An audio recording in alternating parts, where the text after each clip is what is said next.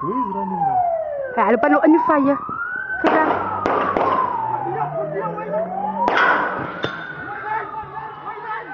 'n Polisieeringsspesialis, Aldred de Klerk, sê gemeenskappe in bende getuisterde gebiede is onder beleg.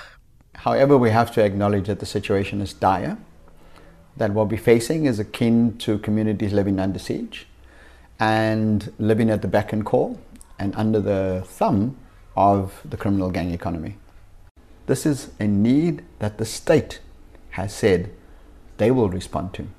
The state has a constitutional obligation to respond to. So, why is there an opportunity for gangs to exploit that need? Juladia Matroos is op die toneel waar haar kind doodgeskiet is. Dan kom hulle en hulle kom skiet ons kinders soos honde. En hulle is die mense wat mekaar moet doodskiet soos honde en ons kinders sien. Kom met ons kinders aan die pad en lê tot 12 o'clock pas 12 van 'n motor die venom loop toe kom tel terwyl hulle agter ons sit.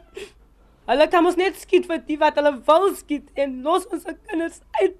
Dit is die hartseer verhaal van ontelbare moeders wat 'n ontelbare aantal kinders in bende geweld verloor het. Eldred de Klerk sê bendes het gemeenskappe in 'n wurg greep omdat hulle in armes se basiese behoeftes voorsien.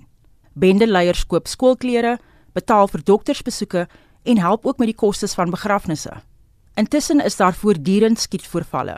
Teresa Mare se kind het in bende geweld gesterf. Ag man, na die eerste ling, toe word die ander ling en sy vrou ook geskiet.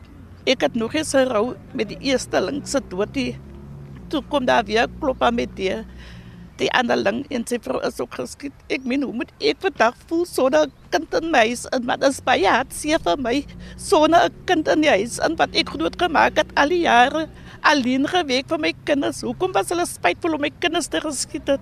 Marie se buurvrou, Janine van der Merwe, se kind het ook in bende geweld gesterf.